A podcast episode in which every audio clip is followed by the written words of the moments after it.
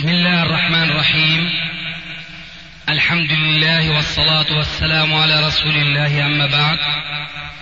فهذا أحد أشرطة سلسلة الهدى والنور من الدروس العلمية والفتاوى الشرعية لشيخنا المحدث العلامة محمد ناصر الدين الألباني حفظه الله ونفع به الجميع.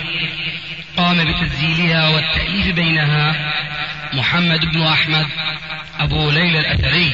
إخوة الإيمان والآن مع الشريط الخامس والخمسين بعد المئة السادسة على واحد.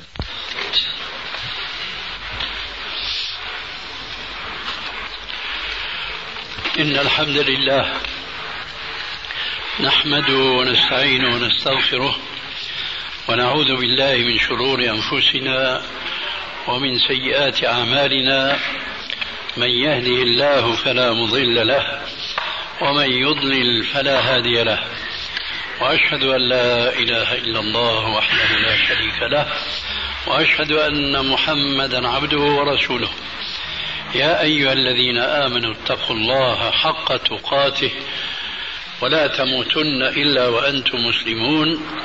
يا أيها الناس اتقوا ربكم الذي خلقكم من نفس واحدة وخلق منها زوجها وبث منهما رجالا كثيرا ونساء واتقوا الله الذي تساءلون به والأرحام إن الله كان عليكم رقيبا. يا أيها الذين آمنوا اتقوا الله وقولوا قولا سديدا يصلح لكم أعمالكم ويغفر لكم ذنوبكم ومن يطع الله ورسوله فقد فاز فوزا عظيما. أما بعد فإن خير الكلام كلام الله وخير الهدي هدي محمد صلى الله عليه وآله وسلم وشر الأمور محدثاتها وكل محدثة بدعة وكل بدعة ضلالة وكل ضلالة في النار. وبعد.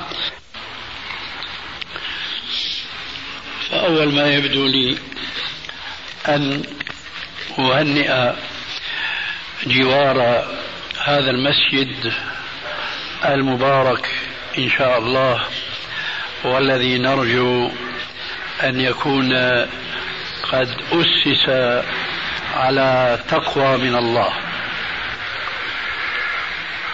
ولا يكون المسجد قد أسس على تقوى من الله تبارك وتعالى إلا إذا كان على سنة رسول الله صلى الله عليه وآله وسلم. ذلك أن من سنة النبي صلى الله عليه وآله وسلم أنه أول ما هاجر من مكة المكرمة إلى المدينة المنورة كان أول ما بدأ به هو أن بنى مسجده عليه الصلاة والسلام. ذلك لأن المساجد هي مأوى ومجتمع المسلمين. بل هي مدرستهم التي يتلقون فيها آه، الدروس التي تعلمهم شريعة الله وسنة رسول الله صلى الله عليه وآله وسلم. ولذلك كثرت الأحاديث التي تحض المسلمين على بناء المساجد وبخاصة في الأرض أو في المحلة التي لا مسجد فيها. من ذلك أن النبي صلى الله عليه وآله وسلم قال ما من ثلاثة في بدو لا تقام فيهم لا يؤذن فيهم ولا تقام فيهم الصلاة إلا استحوذ عليهم الشيطان. إلا استحوذ عليهم الشيطان أي أحاط بهم. فعليكم بالجماعة فإنما يأكل الذئب من الغنم القاصية.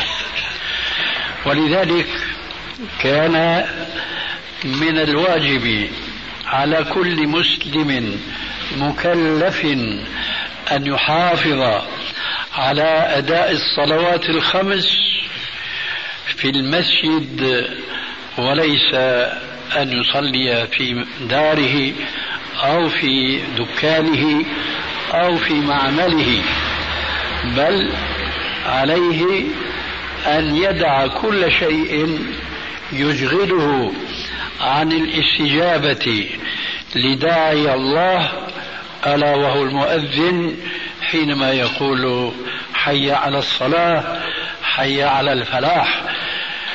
فحينما يسمع المسلم هذا الأمر المنظم من رسول الله صلى الله عليه وسلم في كل يوم خمس مرات ذلك لكي لا يكون لأي مسلم عذر في التخلف عن صلاة الجماعة.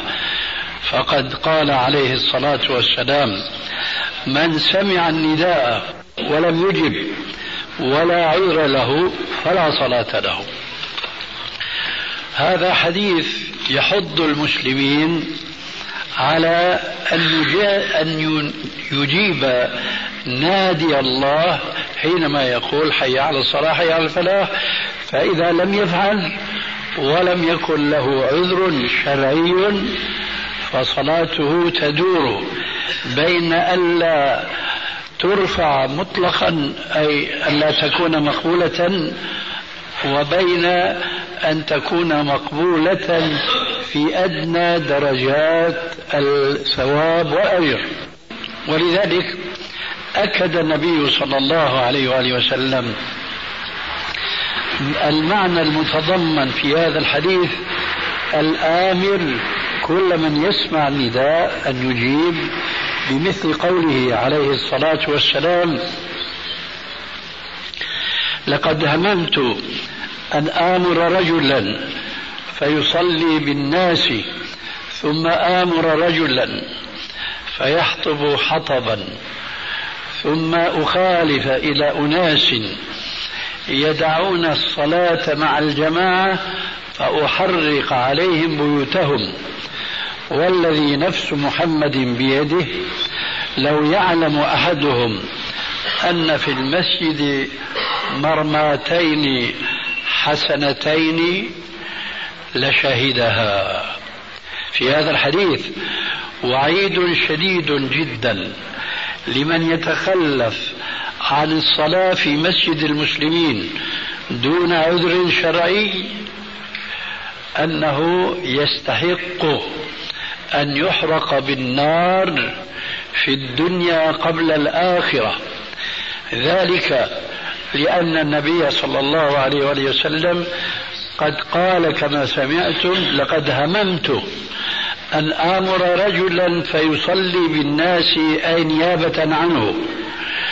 ثم هو يفعل ما يأتي.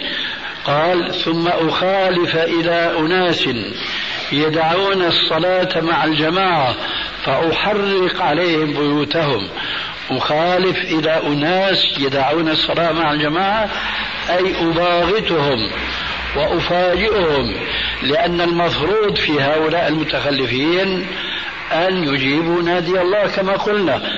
والمفروض أنهم يعلمون أن الرسول صلى الله عليه وآله وسلم يصلي في المسجد إماما كما هي عادته ولكنه هم عليه الصلاة والسلام أن يوكل رجلا يصلي نيابة عنه ليباغت المتخلفين عن الصلاة في المسجد فيحرق عليهم بيوتهم.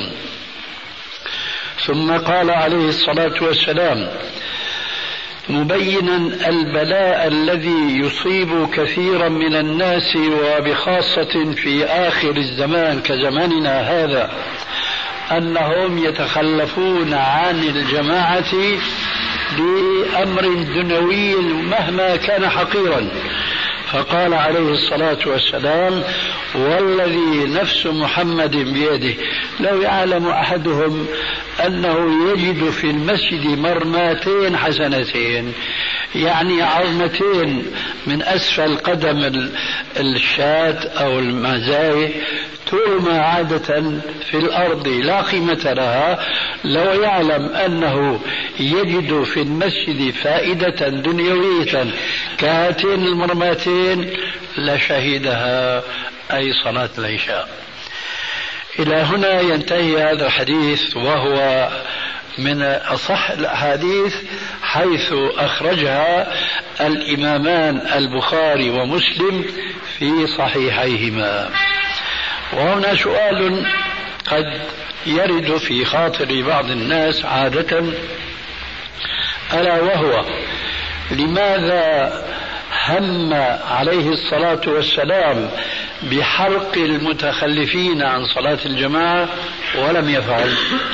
قال لقد هممت لكنه ما فعل ولذلك هذا الحديث يذكرنا بآية في القرآن الكريم قد يسيء فهمها بعض التالين والقارئين للقرآن الكريم حينما يمرون بقوله تبارك وتعالى في سورة يوسف ولقد همت به وهم بها لولا أن رأى برهان ربه فالهم لا يعني الفعل وإنما هو من مقدمات الفعل.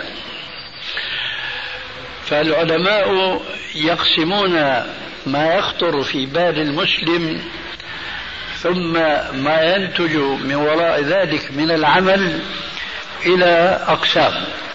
القسم الأول الخاطرة. خاطرة تخطر في بال الإنسان سواء كان خيرا أو كان شرا. فإذا قويت هذه الخاطرة وأخذت مكانها من بال الإنسان صار هما. فإذا قويت وازدادت قوة هذه الخاطرة ووصلت إلى مرتبة الهم يلي ذلك العزم. وليس بعد العزم إلا الفعل. ولذلك قال تعالى في مسألة الطلاق فإن عزموا الطلاق فإن الله سميع عليم. فالشاهد أن العزم هو قبل الفعل ليس بعده إلا الفعل. فلما هم النبي صلى الله عليه وآله وسلم على التحريق فهو لم يعزم. لماذا؟ فضلا عن أنه لم ينفذ. الجواب أن في البيوت كما تعلمون من لا تجب عليه صلاة الجمعة أول ذلك النساء. ثم الصبيان الذين لم يدخلوا في مرتبة التكليف. يكون أيضا في البيوت ناس مكلفين ولكنهم من المعذورين. ولذلك فكان من حكمة الرسول عليه السلام أن أوعد ولم ينفذ. فقد جمع بين تحقيق المصلحة وهي الحض على حضور صلاة الجماعة ودفع المفسدة وهو عدم تحريق البيوت بمن فيها لأنه لو فعل ذلك لأصاب الحريق من لا يستحق الحرقة. إذا في هذا الحديث وعيد شديد لأولئك الذين يتخلفون عن صلاة الجماعة دون عذر شرعي. وليس هناك من الأعذار ما يمكن أن يذكر بهذه المناسبة إلا أن يكون الرجل مريضا إلا أن يكون نائما وأن يكون نومه أيضا مشروعا وهذا له بحث طويل ولا أريد الآن الخوض فيه خشية أن نخرج عما نحن في صدده. فالشاهد أن الله عز وجل قد امتن على أهل هذه المحلة بهذا المسجد وهو أقول وهو أقرب ما يكون إلى السنة. ولا أقول آسفا لا أقول إنه على السنة فإني أرى فيه بعض الأشياء التي ما كانت تنبغي. ولكني أقول كلمة حق إنه أقرب ما يكون إلى السنة بالنسبة للمساجد الأخرى التي تبنى في هذا الزمان وتنفق في سبيل تشييدها وزخرفتها الأموال الطائلة في زعم أنهم يعظمون شعائر الله والأمر ليس كذلك لأن تعظيم شعائر الله عز وجل ليس ببنيان المساجد مشيدة مزخرفة زخارف تلهي المصلين عن الإقبال في صلاتهم على رب العالمين.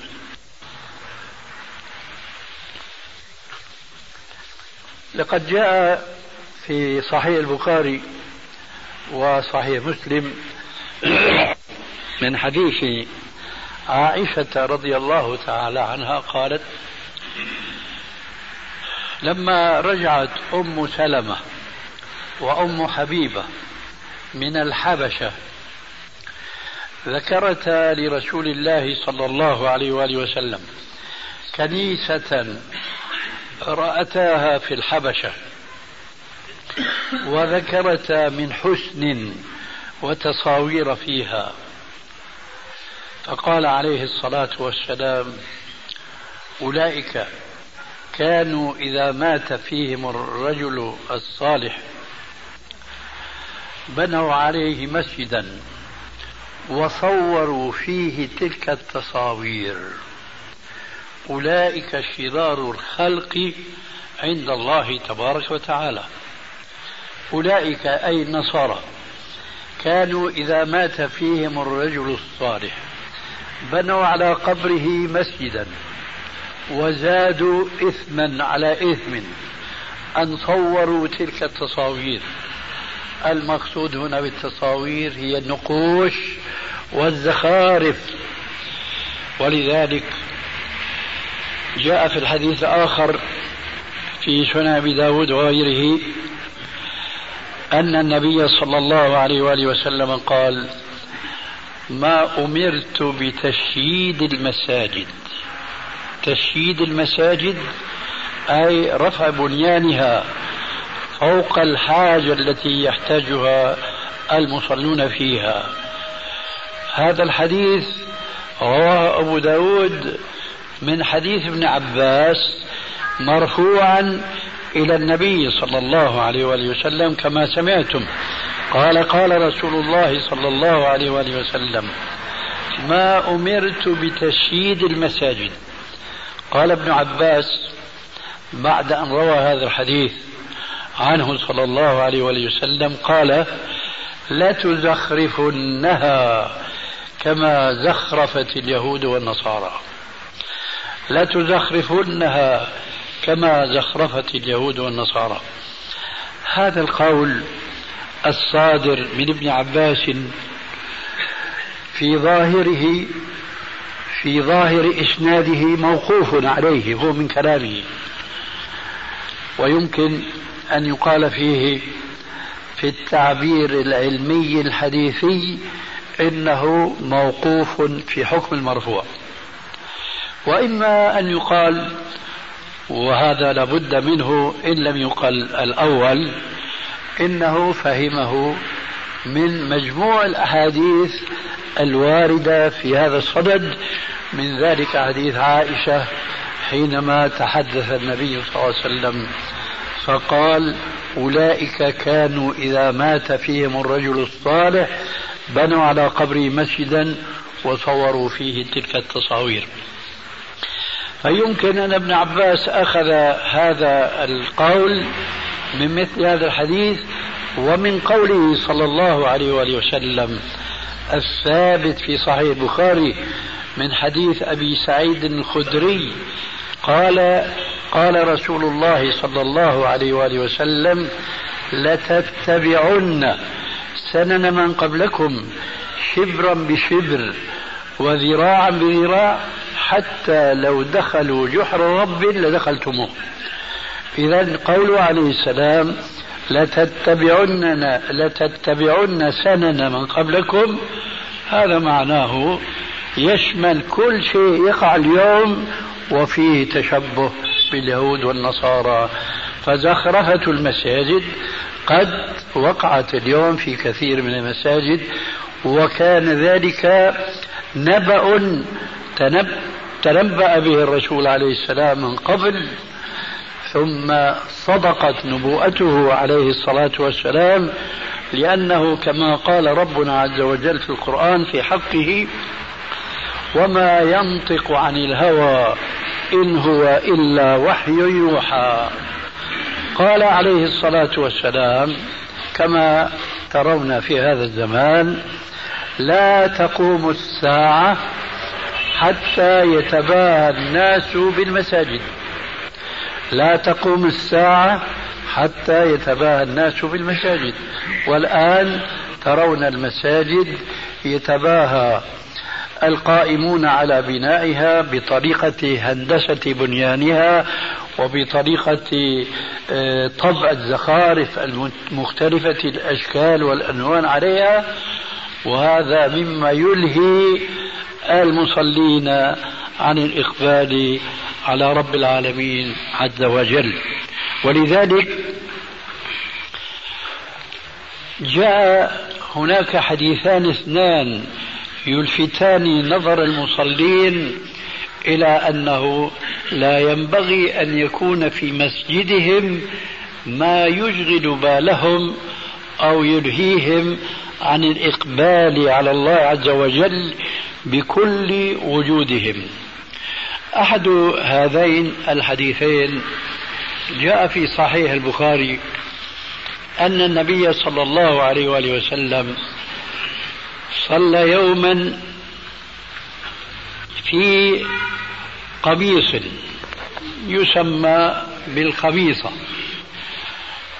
قال عليه الصلاة والسلام بعد أن صلى خذوا خميصتي هذه وأتوني بأنبجانية أبي جهم فإنها ألهتني وفي رواية كادت أن تلهيني عن صلاتي. ما الذي كادت أن تلهي عن صلاتي؟ الخميصة. ما هي الخميصة؟ هي ثوب له أعلام له خطوط أخضر أبلى أزرق أسود إلى آخره. قال خذوا خميصتي هذه وأتوني بأنبجانية أبي جام ثوب ساذج. فإنها أي الخميصة كادت أن تلهيني عن صلاتي. هذا الحديث الأول الذي يلفت نبينا صلى الله عليه وآله وسلم أنظارنا إلى أنه لا ينبغي أن نبني مساجدنا وأن نزخرفها زخارف تلهينا عن الإقبال على الله في صلاتنا. الحديث الثاني. أن النبي صلى الله عليه وآله وسلم لما دخل مكة فاتحا منصورا دخل جوف الكعبة وصلى ركعتين.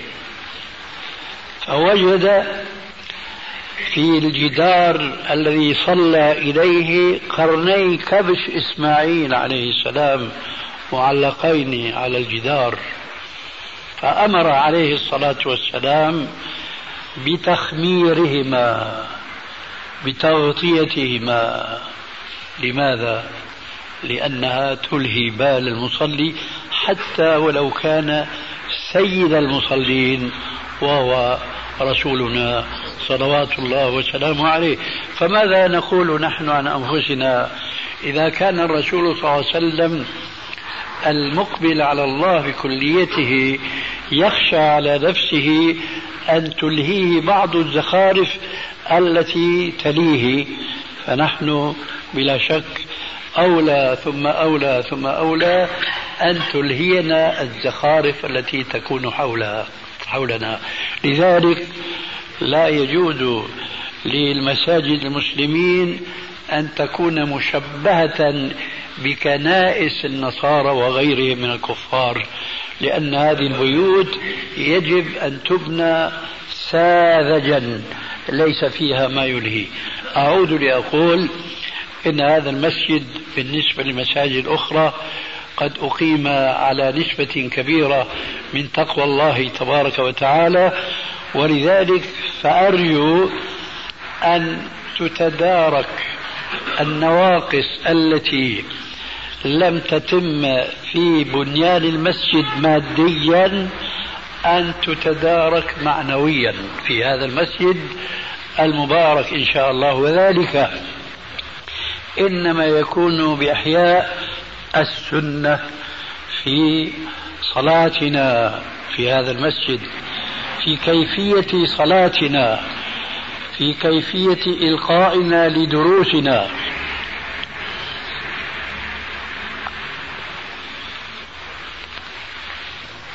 وأول ذلك مما أرى لزاما علي أن يكون الدرس في هذا المسجد يدندن دائما إلى أن ترسخ ثمرة هذا الدرس. في أذهان جوار المسجد والمصلين في المسجد وبعد ذلك ينتقلون إلى مرحلة ثانية. ما هي المرحلة الأولى؟ التي يجب على كل مسلم بل وعلى كل مسلمة أن يفقه هذا الدرس الأول وهو تحقيق قول الله تبارك وتعالى فاعلم أنه لا إله إلا الله.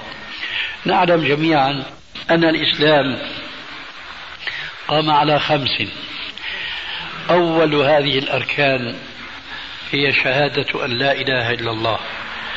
هذه الشهادة قل مع الأسف من المسلمين من يعرف معناها. ثم إذا وجد من عرف معناها تفضل إلى هنا يا أستاذ. تفضل. لابد نستفيد منك. تفضل. آه لو وجد من بعض المسلمين أنهم فهموا معنى الصحيح لهذه الكلمة الطيبة لا إله إلا الله فقليل منهم من يحققها عمليا. إن هذه الشهادة تعني باختصار لا معبود بحق في الوجود إلا الله تبارك وتعالى. لا معبود بحق في الوجود إلا الله تبارك وتعالى. ومعنى ذلك أن الموحد حقا يجب أن يوجه عبادته لله وحده لا شريك له. وهذا موضوع واسع واسع جدا. لابد أن بعض إخواننا في هذا المسجد إما أن يكونوا شرعوا ومضوا قدما في بيان هذه الكلمة الطيبة وفي المقدمة إمام المسجد أخونا أبو أنس بارك الله فيه وفي قراءته وفي علمه فهذا موجز معنى هذه الكلمة الطيبة. أما الشرح فسيكون إن شاء الله في دروس تالية كما أشرنا آنفا. لا معبود بحق في الوجود إلا الله. لا معبود. ما هي العبادة؟ هي العبادة التي شرعها الله على لسان رسول الله صلى الله عليه وآله وسلم. فإن فرضنا أن مسلما شهد هذه الشهادة. لكنه توجه بشيء من عبادتها من هذه العبادة إلى غير الله عز وجل يكون قد أشرك مع الله غيره ولم يعبده وحده. إذا يجب أن تكون هذه العبادة خالصة لله كما قال وما أمروا إلا ليعبدوا الله مخلصين له الدين لكن هناك شيء ثاني أريد أن أدندن حوله شيئا بأوسع مما سبق. ألا هذه العبادة. قلنا إذا وجهت إلى غير الله فهذا قد أشرك مع الله غيره وهذا أمر واضح. لكن متى يكون الموحد القائل لا إله إلا الله والمؤمن بهذا المعنى الصحيح لا معبود بحق في الوجود إلا الله متى يكون عابدا لله؟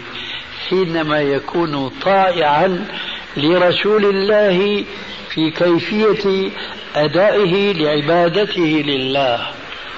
ولذلك فنحن نقول في هذه الشهادة لا إله إلا الله وتمامها محمد رسول الله.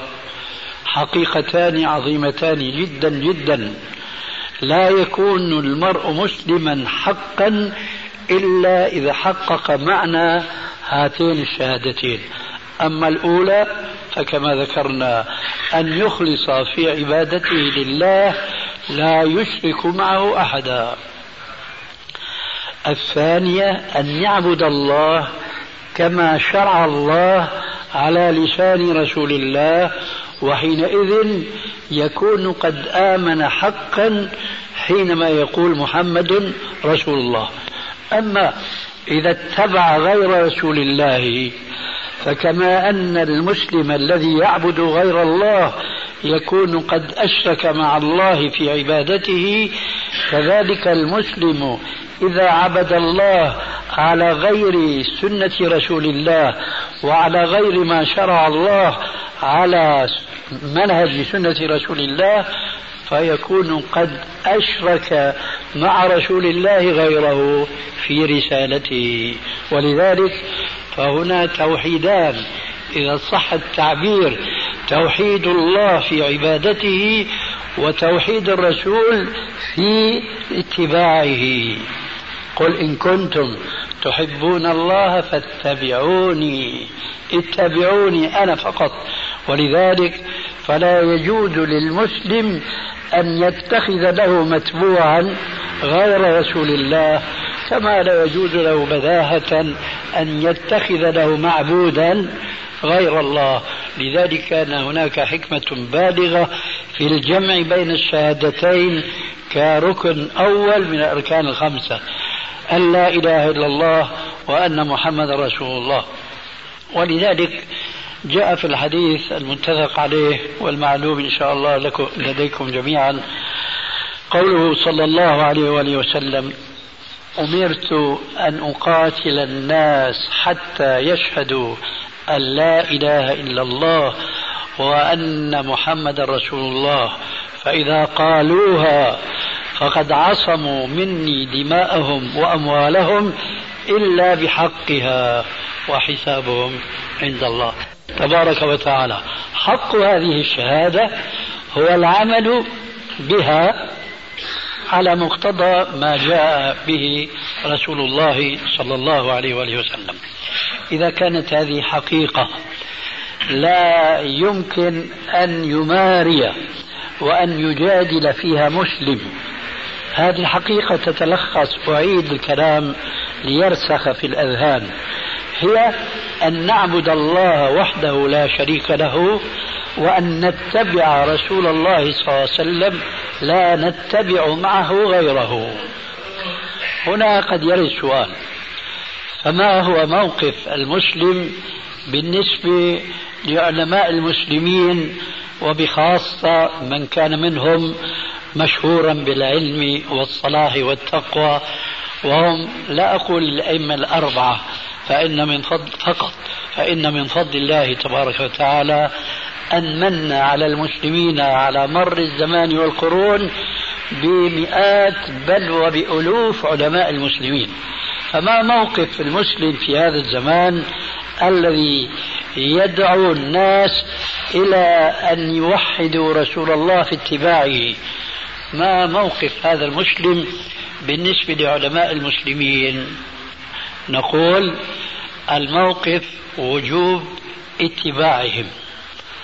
ما داموا متمسكين ودالين لنا على سنة نبيهم صلى الله عليه وآله وسلم. وهنا ولفت النظر إلى آية في القرآن يجب أن يكون معناها ماثلة في الأذهان ألا وهي قوله تبارك وتعالى فاسألوا فاسألوا أهل الذكر إن كنتم لا تعلمون. هذه الآية تجعل الناس عامة المسلمين قسمين عالم وغير عالم وعلى كل من القسمين أوجب عليه حكما يليق به. القسم الأكبر هم الذين لا يعلمون. فخاطبهم بقوله تعالى فاسألوا أهل الذكر إن كنتم لا تعلمون. هذا هو القسم الأكبر من المسلمين. أنهم ليسوا بعلماء فواجبهم أن يسألوا أهل الذكر. واجب أهل العلم أنهم إذا سئلوا أن يجيبوا. وهذا قد أخذ منهم العهد في القرآن الكريم أن يبلغوا العلم إلى الناس وأن لا يكتموه. وجاءت السنة تؤكد ذلك تمام التأكيد. من ذلك الحديث مشهور من سئل عن علم فكتمه ألجم يوم القيامة بلجاب من نار. فإذا عامة المسلمين واجبهم أن يسألوا أهل العلم. فإذا هؤلاء لا غنى لهم إلا أن يرجعوا عند الحاجة وعند الملمات إلى العلماء لأن الله عز وجل أمرهم بذلك. فاسألوا على الذكر إن كنتم لا تعلمون. ولكن أهل العلم ليسوا في المنزلة عندنا كمنزلة نبينا صلى الله عليه وآله وسلم المعصوم والمبلغ عن الله والذي والذي لا يأتيه الباطل من بين يديه ولا من خلفه لأنه معصوم. أما العلماء فليسوا كذلك إنما هم مبلغون عن رسول الله صلى الله عليه وسلم. فقد يصيب أحدهم وقد يخطئ. ولا عصمة لأحد بعد رسول الله صلى الله عليه وسلم خلافا لبعض الفرق التي تدعي العصمة لأهل البيت فهذا من انحراف عن الكتاب والسنة. فلا عصمة لأحد بعد رسول الله لا لعلي ولا لأبي بكر ولا لغيرهم من الصحابة الأجلاء فضلا عن العلماء الذين جاءوا من بعدهم. وإلى هذه الحقيقة أشار النبي صلى الله عليه وآله وسلم بالحديث الصحيح قال إذا حكم الحاكم فاجتهد فأصاب فله أجران وإن أخطأ فله أجر واحد. إذا العالم يخطئ ويصيب. أما نبينا فلا يخطئ في الشرع مطلقا بل هو معصوم كما ذكرنا آنفا. من هنا يجب أن نجعل تعصبنا في ديننا فقط لرجل واحد ألا وهو رسول الله صلى الله عليه وسلم. ولا نتعصب لعالم من علماء المسلمين وإنما نستعين بهم ونسترشد بهم ليدلونا على ما كان عليه رسول الله صلى الله عليه وسلم. هذا شيء. وشيء ثاني. قد أخبر النبي صلى الله عليه وآله وسلم بحقيقة أن المسوى الآن في هذا الزمان لمس اليد كما يقال. ذلك قوله صلى الله عليه وآله وسلم. إن الإسلام بدأ غريبا وسيعود غريبا فطوبى للغرباء. إن الإسلام بدأ غريبا وسيعود غريبا أي كما بدأ فطوبى للغرباء. هذا الحديث هكذا في صحيح مسلم. ثم جاء في بعض الروايات الأخرى الثابتة عن النبي صلى الله عليه وآله وسلم تفسير هؤلاء الغرباء. والتفسير جاء على نوعين. أحدهما لما قيل له من هم الغرباء يا رسول الله؟ قال هم ناس قليلون صالحون. بين ناس كثيرين من يعصيهم أكثر ممن يطيعهم.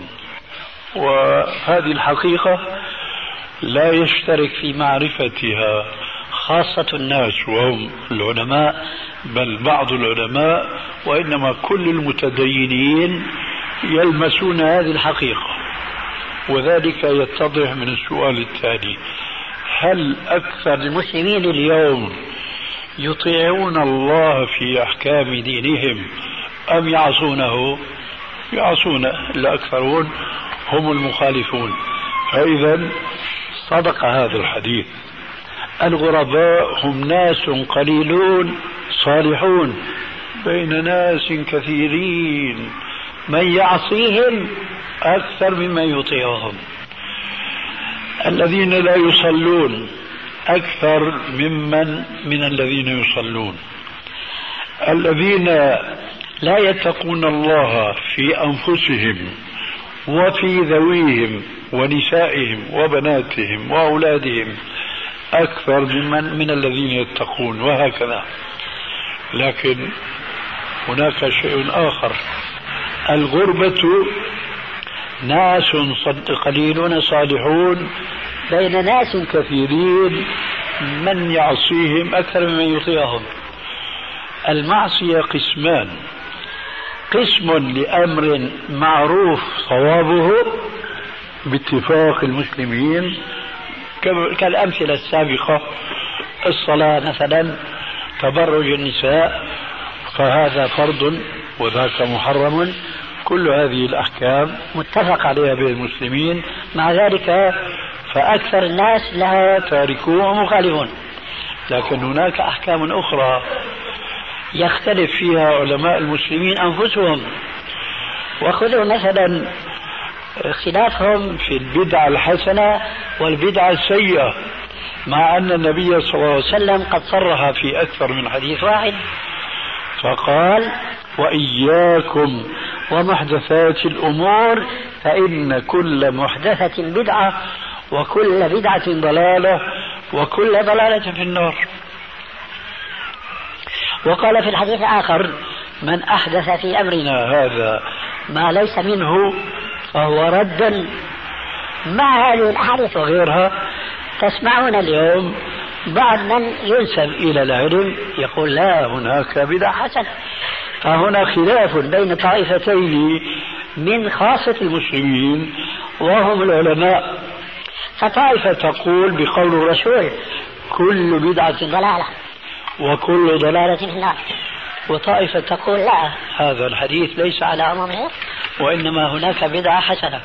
وأيضا هذا يحتاج إلى درس خاص ولا أستطيع الخوض فيه الآن وإنما هو التذكير بمعنى هذا الحديث حديث الغربة في روايتيه. نحن الآن في صدد الرواية الأولى.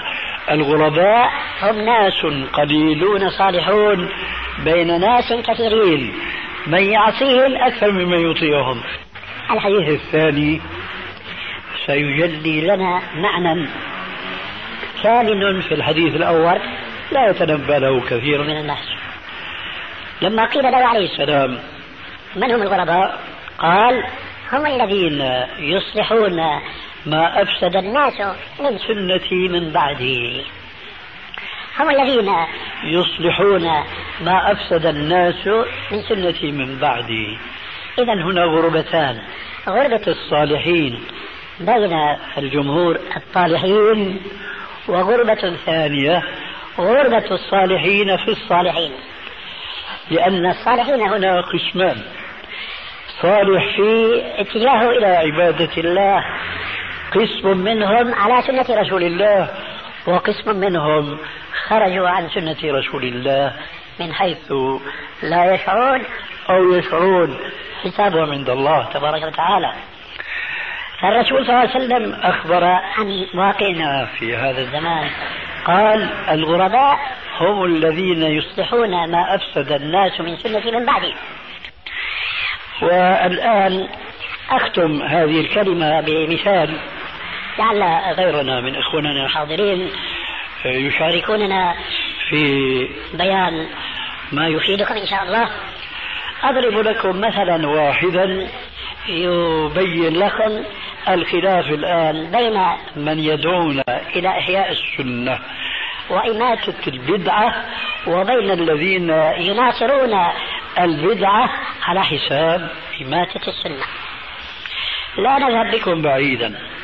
عندكم الآن الأذان.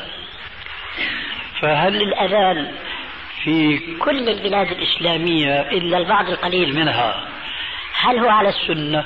الجواب لا. لأن الأذان في كثير من البلاد له مقدمة ولو مؤخرة. في بلاد أخرى وهي الأكثر لابد لها من مؤخرة. والأذان كما نعلم جميعا في السنة يبدأ بالله أكبر. الله أكبر. وينتهي بلا إله إلا الله. كلمة. التوحيد هذا هو أذان بلال. وأذان عمر ابن أم مكتوم.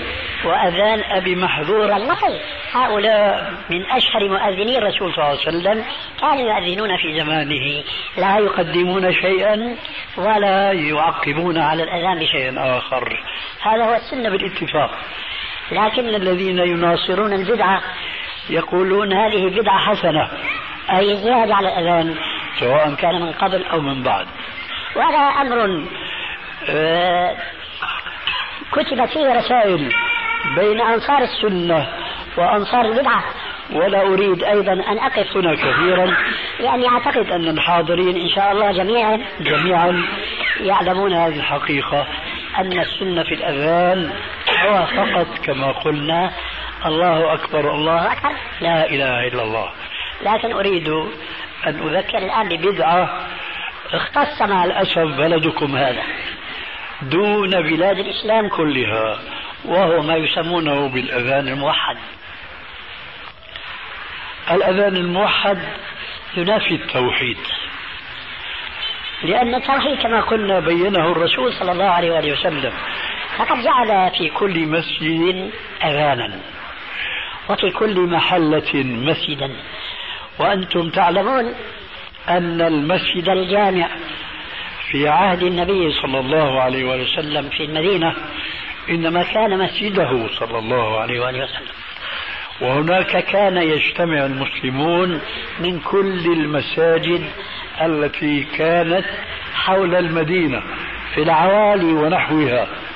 أما مسجده عليه السلام فقد كان مسجدا جامعا أي تصلي تصلى فيه صلاة الجمعة دون المساجد الأخرى التي كانت في الحوالي في العوالي والتي من تلك المساجد مسجد معاذ بن جبل رضي الله تعالى عنه الذي جاء حديثه في صحيح البخاري أنه كان يصلي صلاة العشاء الآخرة وراء النبي صلى الله عليه وآله وسلم يكسب فضيلتين اثنتين. فضيلة الصلاة في المسجد النبوي أولا التي هي بألف صلاة مما سواه من المساجد مساجد العوالي مثلا وفضيلة الصلاة خلف النبي نفسه صلى الله عليه وآله وسلم. فكان يصلي صلاة العشاء الآخرة خلفه ثم يأتي إلى مسجد قومه. فيؤمهم يصلي بهم إماما. صلاة العشاء هي له نافلة لأن الفريضة كان قد أداها خلف النبي صلى الله عليه وسلم وهي له نافلة. لم يكن هناك مسجد موح... عفوا أذان موحد. وإن كان قد يقال هنا أن الوسيلة لم تكن متيسرة كما هو متيسر اليوم بإذاعة الأذان من مكان واحد إلى سائر أقطار الدنيا كما تفعل الإذاعات العالمية اليوم. لكننا نقول لا مانع من إذاعة الأذان بأوسع دائرة ممكنة بمثل هذه الوسائل التي خلقها الله عز وجل ويسرها الله لعباده. ولكن في حدود التزام السنة. إذا كان من السنة لكل مسجد أذان وإقامة. فلا يجوز توحيد الأذان في البلد الواحد وفيه مساجد كثيرة لا سيما أن بلدنا هذا يختلف عن كثير من البلاد الأخرى حيث فيه الهضاب وفيه الجبال وفيه الوديان وربما يكون هناك بعض السهول. فالأوقات الشرعية للصلوات الخمس تختلف من الجبل إلى الهضبة إلى السهل إلى الوادي. فلا يجوز توحيد الأذان والحالة هذه ولذلك تقع هنا مشاكل ومخالفات للشرع والأحكام الشرعية مخالفات جذرية. فناس مثلا يفطرون قبل غروب الشمس. بالأذان الموحد.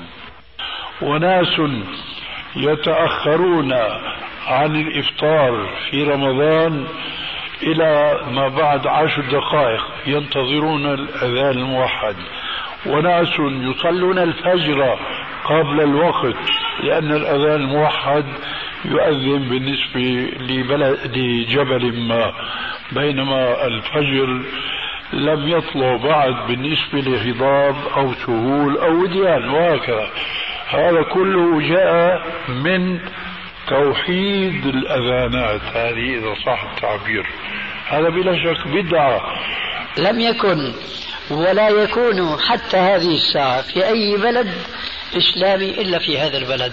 ما ندري ما الذي بدا للذين ابتدعوا هذه البدعة في هذا البلد وما الذي زين لهم هذه البدعة وأملي ورجائي أن المسؤولين الذين يهتمون بأحكام الدين وإعادتها إلى السنة دون خروج عنها ومشاكسة لها أن يلغوا هذا الأذان وأن يكلفوا المؤذنين أن يؤذن كل كل مؤذن في مسجده مراقبا الأوقات الشرعية حسب النظام الإسلامي.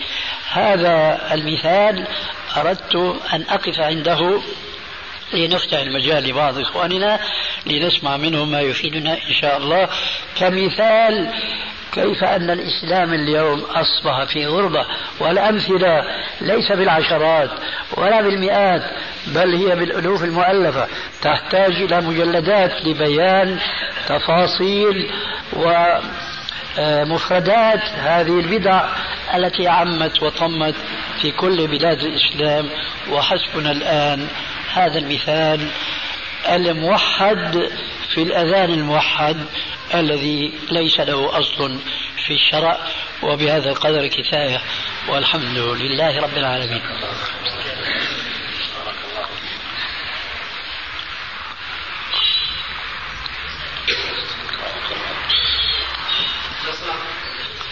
ذكرت ان هذا المسجد هو اقرب إلى السنة. نعم. كما هي السنة حتى تجنب اي مخالفه في بناء المسجد. هذا كان ينبغي أن يكون قبل هذا. لكن لعل هناك مسجد آخر إن شاء الله. أولا يا أخي ما يجوز تشييد البنيان ورفعه. تشييد البنيان ورفعه. ثانيا ينبغي ما استطعنا ألا يعني نخرج بالمنبر زايد عن الحد المشروع. عبارة عن خشبات. يعلو عليها الخطيب ليبرز أمام الناس. لماذا الرخام وهذا الخشب المزخرف المربع؟ إلى آخره أشياء كثيرة وكثيرة جدا. يعني كما جاء في الحديث آه الله أكبر عريش كعريش موسى.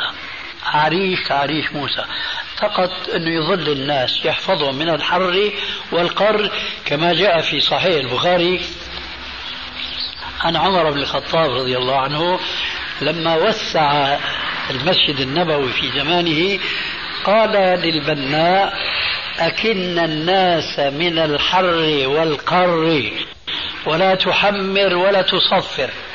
أنا حسبي الآن إذا أردت أن أتمسك بالسنة العمرية وهي بلا شك السنة النبوية. أن أقول هذه ستائر هنا خضراء وهناك صفراء.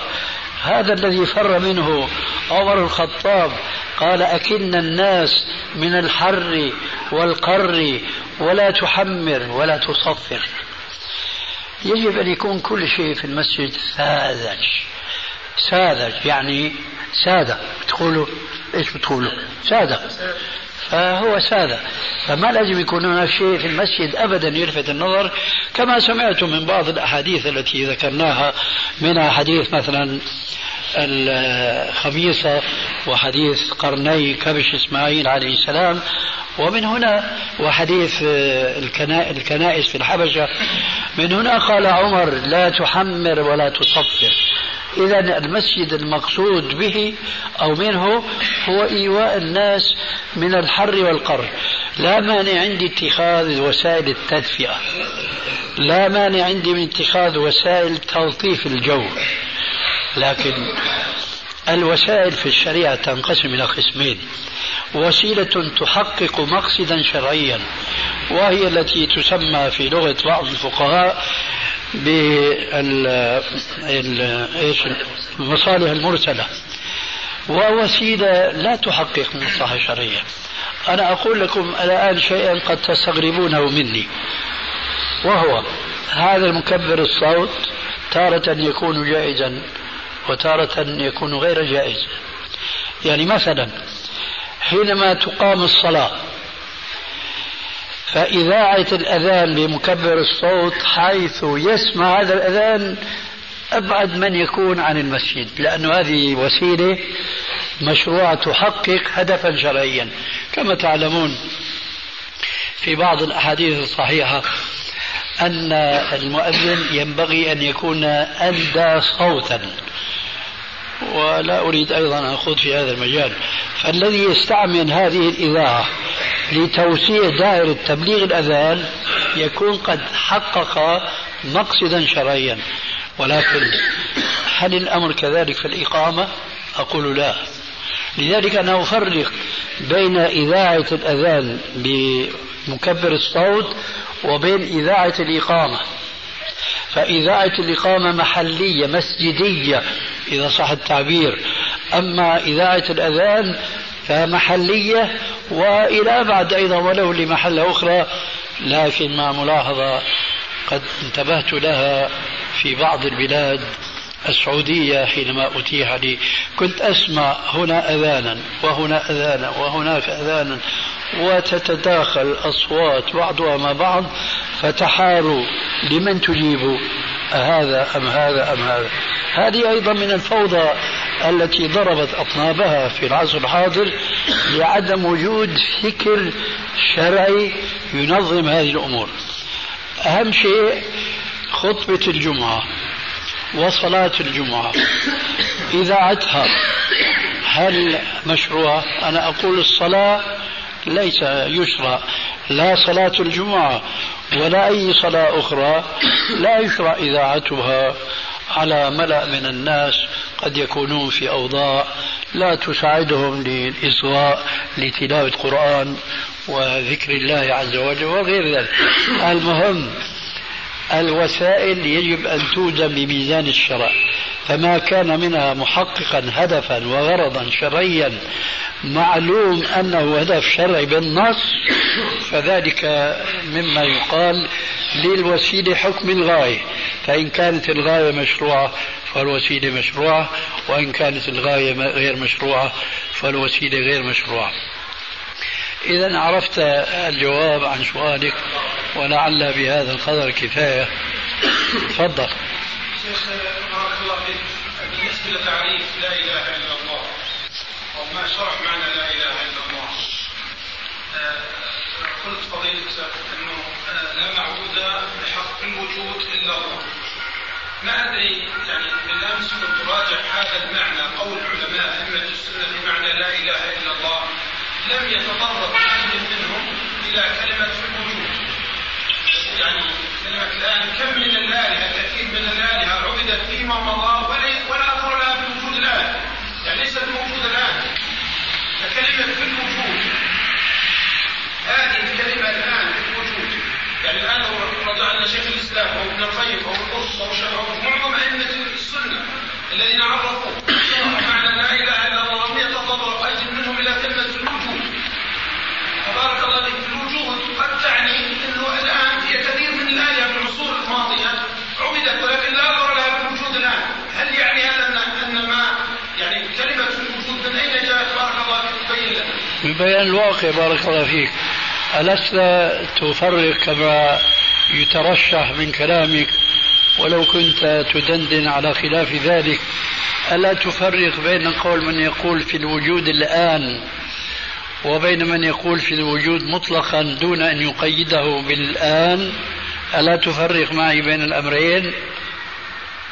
قل قل بلى أفرق. طيب اصبر للتتمة الوجود هو موجود الآن ولا منذ خلق الله الكون فهو الموجود وهو الوجود أليس كذلك؟ فإذا إشكالك بارك الله فيك لفظي وليس معنويا كان يكون معنويا لو قال القائل في الوجود الآن فيكون قوله باطلا أما في الوجود والوجود هو منذ أن قال الله كن فكان الموجود فالله عز وجل هو معبود بحق دائما وابدا. فكلمة الوجود لا لا تعني التقييد الذي ألقي في بالك و ودفعك انتباهك للمعنى أن قيدته بلفظ الآن.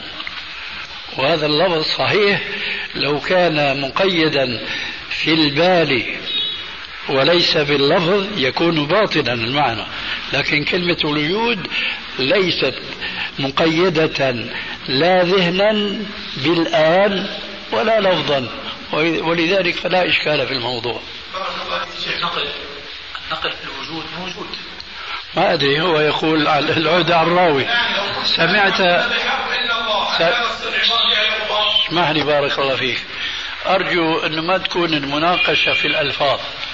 لو قلت لك لا غبار فأنت إذا قيل لك نفس الكلام هل هناك غبار لمن قال لا معبود بحق في الوجود؟ هل هناك غبار؟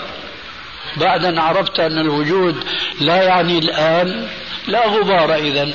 إذا هذه مناقشة في اللفظ ويترتب من وراءها الآن أن بعض إخواننا المطلعين والذين نرجو أن يزيدنا الله وإياه علما. يقول هذه العبارة موجودة. أنت الذي نفيته غيرك الآن يثبته. فما حصيلة هذا وهذا؟ لا شيء. على النظام العسكري مكان خراوة ما في فائدة. لا معبود في الوجود إلا الله. اتفقنا؟ اتفقنا؟ صدقا يا شيخ بالامس كنا نقرا السنة ما كلمة الوجود الوجود حبذا يعني لو انه نفس اشكال كان لا معبود الا الله. بارك الله فيك. أنت الظاهر يعني ما انتبهت لقولي أو تذكيري لك انفا انه هنا بعض إخواننا الأفاضل يقول هذا القيد موجود. فماذا تقول؟ تريد أن تسمع؟ تفضل موجود في الاستغناء للقرافي وفي التجريد لعلي القاري أرجو أن ترفع صوتك عشان يسمع في الوجود موجود في كتاب الاستغناء في أحكام الاستثناء للقرافي تعرض للإسهاب في آه، النفي لا إله ما هو فقال في الوجود لا موجود يعني لا معبود بحق في الوجود. وكذلك قال علي القاري في رسالة التجريد في إعراب كلمة التوحيد. ما شاء الله. الله أعلم. أنا شيخنا أنا أسأل الأخ الكريم بارك الله فيه. تفضل. لو سمحت يا الله يبارك أنا أسألك يعني ما اعتراضك على هذا اللفظ؟ ما سبب اعتراضك عليه؟ سيدي بارك الله فيك سبق يعني من قول العلماء بمعنى مثلا لا مو اعتراض أنا ما بسألك يعني لا يعني الآن قال شيخ الإسلام أو بين وقال ابن القيم وبين وقال القرطبي وقال الشافعي كلمة الوجود جديدة يعني لأول مرة كان اسمعها هذا كلمة الوجود حبذا يعني يبين ليش هذا أنا إذا بعد ما يسمح لنا شيخنا إذا ممكن. تفضل. آه، الحقيقة إيراد هذا القيد أمر ضروري. وحتى ولو لم يكن موجودا فيما سبق عند الأولين من العلماء لأن عدم وجوده لا يدل على عدم جواز إيراده. هذا أولا. وثانيا الالتفات إلى هذا المعنى من حيث العقيدة. أمر يجب أن يكون حتى تنتفي آه، مسألة مهمة في العقيدة وهي مسألة وحدة الوجود. فعندما تقول لا موجود لا معبود بحق في الوجود إلا الله عز وجل فإنك بهذا القيد تنفي هذه العقيدة التي يدعي أهلها بأن الله سبحانه وتعالى هو الوجود كله. فبذلك عندما نقول في الوجود هذه هذه اللفظة تقرر بأن الوجود شيء غير الله عز وجل وبأنه هو الموجود بحق الذي يعبد بحق وليس في الوجود شيء يعبد إلا هو. ولذلك هذا اللفظ أو هذا القيد أمر واجب إيراده حتى لو لم يكن موجودا فيما مضى.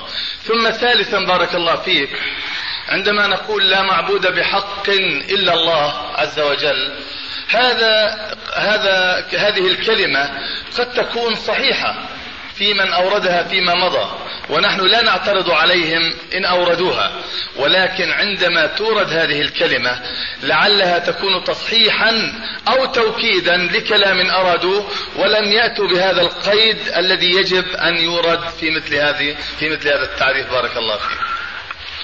والله أعلم. يعطيك العافية. تفضل. من الناس يقارن كلمة الجمود. الجمود. فما القصد وما الرد؟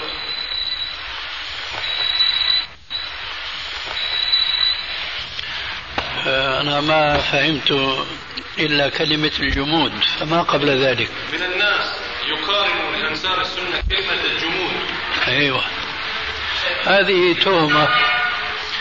هذه تهمة توجه إلى أنصار السنة وأصحاب الحديث أنهم يجمدون على معالجة بعض المسائل الشكلية وقد يعبرون عنها بأنها مسائل ثانوية وقد يتسفلون في التعبير فيقولون هي مسائل من القشور لا ينبغي إضاعة الوقت حولها وأنهم آه، لا يهتمون بما هو أهم من ذلك. وهذه كما قيل قديما شنشنة نعرفها من أخزم تهمة آه، نعرفها صادرة من أعداء السنة وأعداء العقيدة الصحيحة. أولئك أقوام يهتمون بما يتظاهرون به ولا يعملون من أجله يتظاهرون بالاهتمام بإقامة الدولة المسلمة فقط وبمحاربة آه، الطواغيت زعموا وبتحقيق أن الحاكمية لله وحده. هذه كلمة حق. الحاكمية لله وحده ولكنهم آه، أولا حصروا معنى الحاكمية بمحاربة الحكام في بلاد الإسلام الذين يحكمون بغير ما أنزل الله مع الأسف الشديد ولكنهم لا يحاربون الحكام الذين دونهم ولا فرق بين أولئك وبينهم من حيث أن هؤلاء وهؤلاء كلهم لا يحكمون شريعة الله في أنفسهم وفي من يلونهم. كل آه كل رجل هو كما قال عليه السلام كلكم راع وكلكم مسؤول عن رعيته. فهذا الراعي حاكم في أهل بيته فهو ينبغي أن يحقق فيهم شريعة الله وأن يحقق الحاكمية لله في حكومته المصغرة. ثم قد يكون له دولة أكبر قد يكون مثلا صاحب دائرة قد يكون معلم مدرسة قد يكون مدير مدرسة فهناك ينطمس على قلبه وينسى بكليته دعوته أن الحاكمية لله لماذا؟ لأن المقصود فقط محاربة جانب من الناس وهم الحكام ثم محاربتهم بماذا؟ فقط في الكلام ولا شيء من العمل والعمل يبدأ من نقطة الصفر انطلاقا من الأساس إلى قمة الأهرام أو الجبل أو البنيان الشاهق فهم يختلفون عنا. نحن نبدأ بما بدأ به رسول الله صلى الله عليه وسلم بالتوحيد بالأركان الخمسة بتعليم المسلمين ما جاء به سيد المرسلين عليه الصلاة والسلام ونمشي مشية وإيدة بطيئة ولو كمشية السلحفات ولكننا سنصل إن شاء الله. أما أولئك فقد مضى عليهم قرابة قرن من الزمان. وهم يصيحون الحاكمية لله ثم لا شيء من الحكم بأحكام الله عز وجل في خواص أنفسهم. لو أن أحدهم قلت له صلي كما أمرك الله لما استطاع أن يصلي. حج ما يستطيع أن يحج. يقول لك في المسألة ثلاث أقوال حج إفراج وحج تمتع وحج قراء ونحو ذلك. فإذا سألته ما الذي انتهى إليه حكم رسول الله صلى الله عليه وسلم عن ربه؟ لم يحر جوابا. لماذا؟ لأنهم شغلوا بالألفاظ دون المعاني. مثل هؤلاء هم الذين ينسبوننا إلى الجمود. ذلك لأننا لا نصيح صياحهم ولا ندعي دعواهم وإنما نقول فهذا هو الحق. ما بي خفاء فدعني عن بنيات الطريق. فهم سلكوا السبل التي دائما نحن نذكرها في الحديث الصحيح أن النبي صلى الله عليه وسلم خط ذات يوم خطا مستقيما. وخط على جانبيه خطوطا قصيرة وقرأ قوله تعالى وأن هذا صراطي مستقيما فاتبعوه ولا تتبعوا السبل فتفرق بكم عن سبيله. ثم قال عليه السلام هذا صراط الله وهذه طرق وعلى رأس كل طريق منها شيطان يدعو الناس إليه. فهؤلاء لا يسيرون معنا على الخط المستقيم نحن ولو أننا فرضنا أنفسنا أننا في أول الخط. المهم أن نمسك الخط وأن نظل نمشي فيه حتى يأتينا اليقين. أما أولئك فقد خرجوا عن الخط. ولذلك فكلما مضوا خطوة ابتعدوا عن الخط المستقيم. نحن كلما سلكنا خطوة ومشيناها كلما أرضينا ربنا عز وجل لأنه أمرنا في الآية السابقة وأن هذا صراطي مستقيما فاتبعوه. فنسأل الله عز وجل أن يحيينا جميعا على معرفة السنة التي بها فقط نستطيع أن نمشي سويا على صراط مستقيم. عندكم. أريد التعليق على كلمة الحاكمية. من أفدح الأخطاء التي وقع فيها الذين يقولون بالحاكمية أنهم لم يعرفوا أن هذه النسبة نسبة خاطئة ولا تجوز لا لغة ولا شرعا. لأننا عندما نقول الحاكمية طبعا الله عز وجل لم يسمي نفسه حاكما. في سمى الشيخ نفسه حاكم؟ أحكم الحاكمين. نعم. أحكم الحاكمين ما قال حاكم؟ نعم. فلذلك هذه النسبة عندما نقول إن الحاكمية لله معناها أننا نسبنا أو ابتكرنا أو اخترعنا اسما لله عز وجل هو الحاكم. وهذا ليس من أسماء الله الحسنى أولا. ثم أيضا الله عز وجل ما قال في كتابه إن الحاكمية إلا لله وإنما قال إن الحكم إلا لله. فإذا أردنا أن ننسب شيئا فإنما ننسب لله عز وجل ما قاله من غير تحريف ولا تبديل. لأن التحريف والتبديل حتى في هذه النسبة التي نعتقد بأنها خطأ جدا هذه النسبة أودت بنا إلى أن نجعل لله اسما خاصا أو نضيف اسما لله عز وجل على أسماء الحسنى التي لم يسمي بها نفسه. لأنه معلوم لكل طالب علم أن قول الله عز وجل وهو أحكم الحاكمين ليست تعني بالضرورة أن نخرج من من الجمع من صيغة الجمع اسما لله ونقول عنه بأنه الحاكم. هذا والله أعلم وفي حضرة شيخنا لا يجوز أن نتألى على العلم أو أن نقول في حضرة شيخنا ما يمكن أن يكون خطأ إذا كنا قد نسينا أمرا وما أكثر ما ننسى.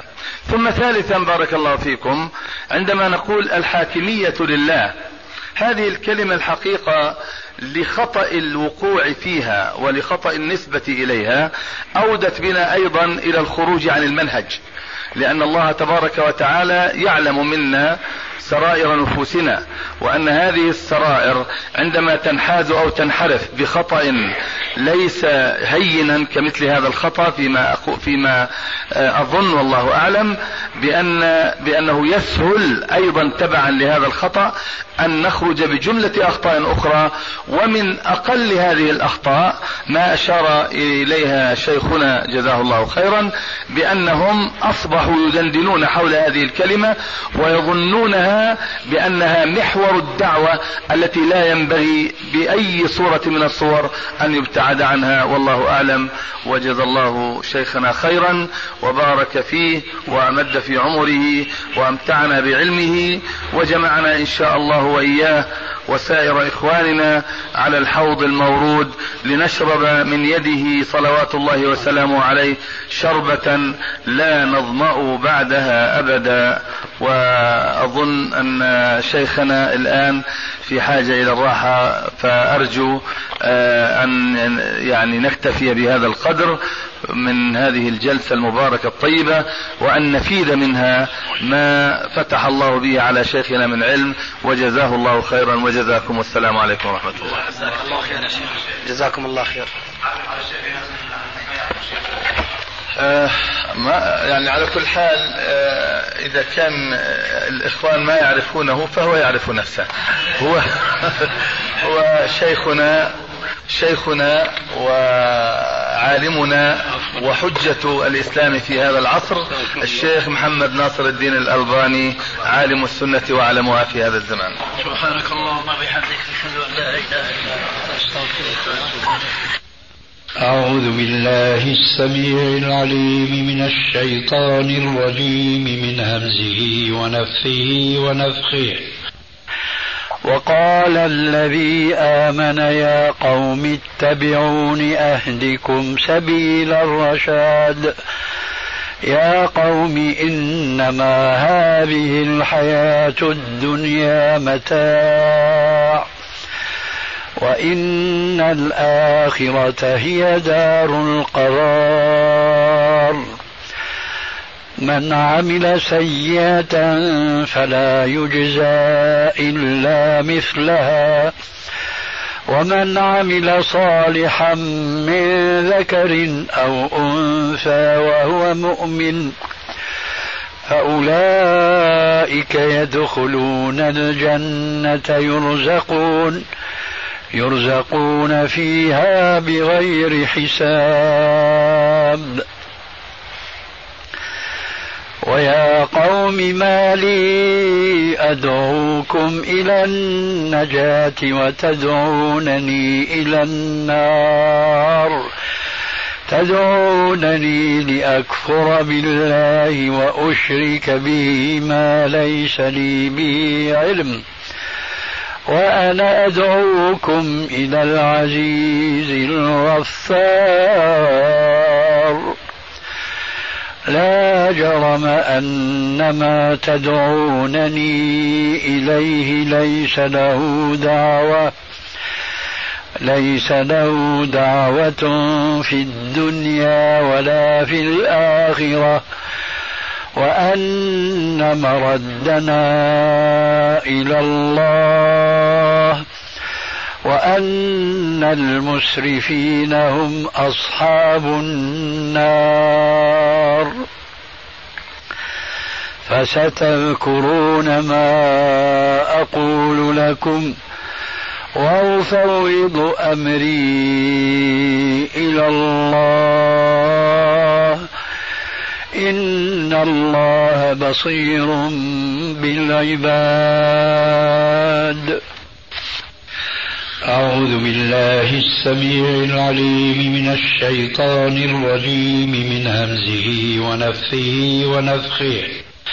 تبارك الذي جعل في السماء بروجا وجعل فيها سراجا وقمرا منيرا. وهو الذي جعل الليل والنهار خلفة خلفة لمن أراد أن يتذكر أو أراد شكورا. وعباد الرحمن الذين يمشون على الأرض عونا وإذا خاطبهم الجاهلون قالوا سلاما. والذين يبيتون لربهم سجدا وقياما والذين يقولون ربنا اصرف عنا عذاب جهنم إن عذابها كان غراما إنها ساءت مستقرا ومقاما والذين إذا أنفقوا لم يسرفوا ولم يقتروا وكان بين ذلك قواما والذين لا يدعون مع الله إلها آخر ولا يقتلون النفس التي حرم الله إلا بالحق ولا يزنون ومن يفعل ذلك يلقى ثاما يضاعف له العذاب يوم القيامة ويخلد ويخلد فيه مهانا. إلا من تاب وآمن وعمل عملا صالحا فأولئك يبدل الله سيئاتهم حسنات. وكان الله غفورا رحيما. ومن تاب وعمل صالحا فإنه فإنه يتوب إلى الله متابا. والذين لا يشهدون الزور وإذا مروا باللغو مروا كراما والذين إذا ذكروا بآيات ربهم لم يخروا لم يخروا عليها صما وعميانا والذين يقولون ربنا هب لنا من أزواجنا ربنا هب لنا من أزواجنا وذرياتنا قرة أعين واجعلنا للمتقين إماما. أولئك يجزون الغرفة بما صبروا ويلقون فيها تحية وسلاما. خالدين فيها حسنت مستقرا ومقاما. قل ما يعبأ بكم ربي لولا دعاؤكم. فقد كذبتم فسوف يكون لزاما. بسم الله الرحمن الرحيم. نون والقلم وما يسطرون. ما أنت بنعمة ربك بمجنون. وإن لك لأجرا غير ممنون. وإنك لعلى خلق عظيم. فستبصر ويبصرون. بأيكم المفتون. إن ربك هو أعلم بمن ضل عن سبيله وهو أعلم بالمهتدين. فلا تطع المكذبين. ودوا لو تدهن فيدهنون. ولا تطع كل حلاف مهين هماز مشاء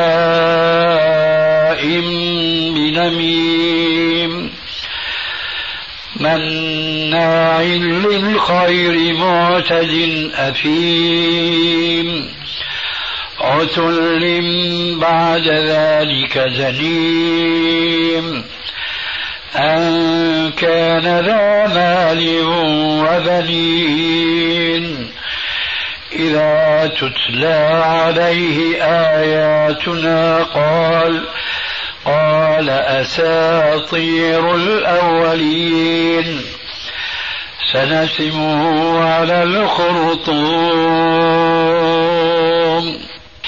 إنا بلوناهم كما بلونا أصحاب الجنة إذ أقسموا ليصرمنا مصبحين ولا يستثنون فطاف عليها طائف من ربك وهم نائمون فأصبحت كالصريم. فتنادوا مصبحين.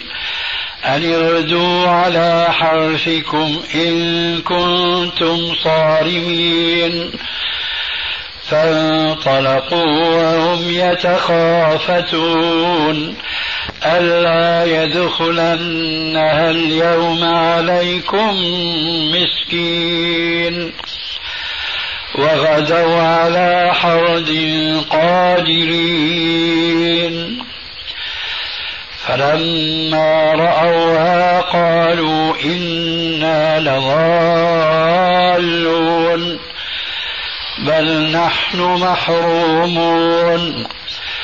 قال أوسطهم ألم أقل لكم لولا تسبحون. قالوا سبحان ربنا إنا كنا ظالمين. فأقبل بعضهم على بعض يتلاومون. قالوا يا ويلنا إنا كنا طاغين. عسى ربنا أن يبدلنا خيرا منها. إنا إلى ربنا راغبون. كذلك العذاب. ولعذاب الآخرة أكبر لو كانوا يعلمون.